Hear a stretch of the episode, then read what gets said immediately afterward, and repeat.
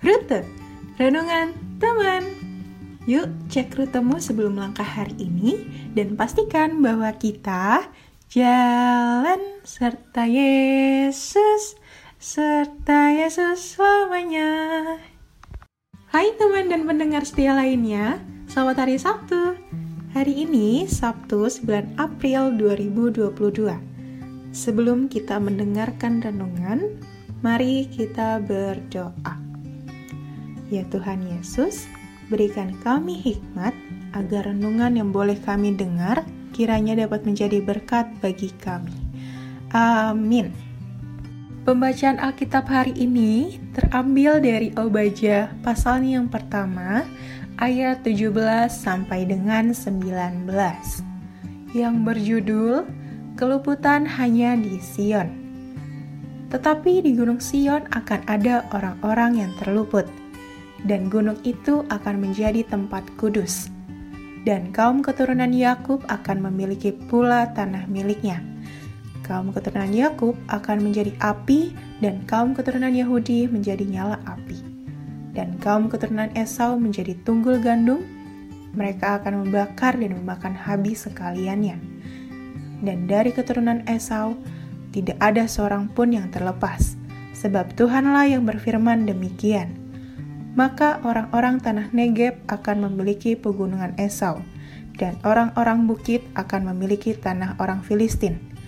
Mereka akan memiliki daerah Efraim dan daerah Samaria, dan suku Benyamin akan memiliki daerah Gilead. Demikian pembacaan firman Tuhan. Renungan Sabda Bina Teruna hari ini berjudul Allah Senantiasa Berkarya. Sobat Teruna dan pendengar setia lainnya, seperti yang kita tahu bahwa penderitaan yang dialami bangsa Yehuda saat itu gak mudah. Tapi, tapi, tapi, itu merupakan cara Allah untuk mendidik mereka. Tentu, Allah tidak tinggal diam.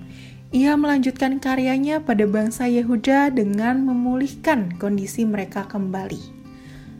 Melalui nubuatan Obaja, di sana disampaikan nih bahwa Allah menghendaki bersatunya Israel dan Yehuda. Selain itu, Allah akan menghancurkan bangsa Edom. Kenapa tuh? Karena bangsa Edom ikut serta menghancurkan bangsa Yehuda. Nah, dari sini kita diingatkan bahwa Allah selalu punya rencana yang indah bagi seluruh ciptaannya. Dan itu terbukti dalam perjalanan hidup bangsa Yehuda saat itu. Begitu juga yang terjadi dalam kehidupan kita saat ini. He is working a plan for our lives even when we cannot see it.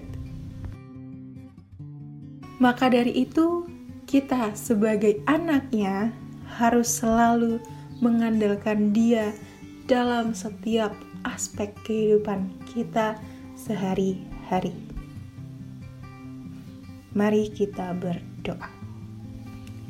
Ya Tuhan Yesus, kami kembali menyerahkan seluruh kehidupan kami ke dalam tangan-Mu.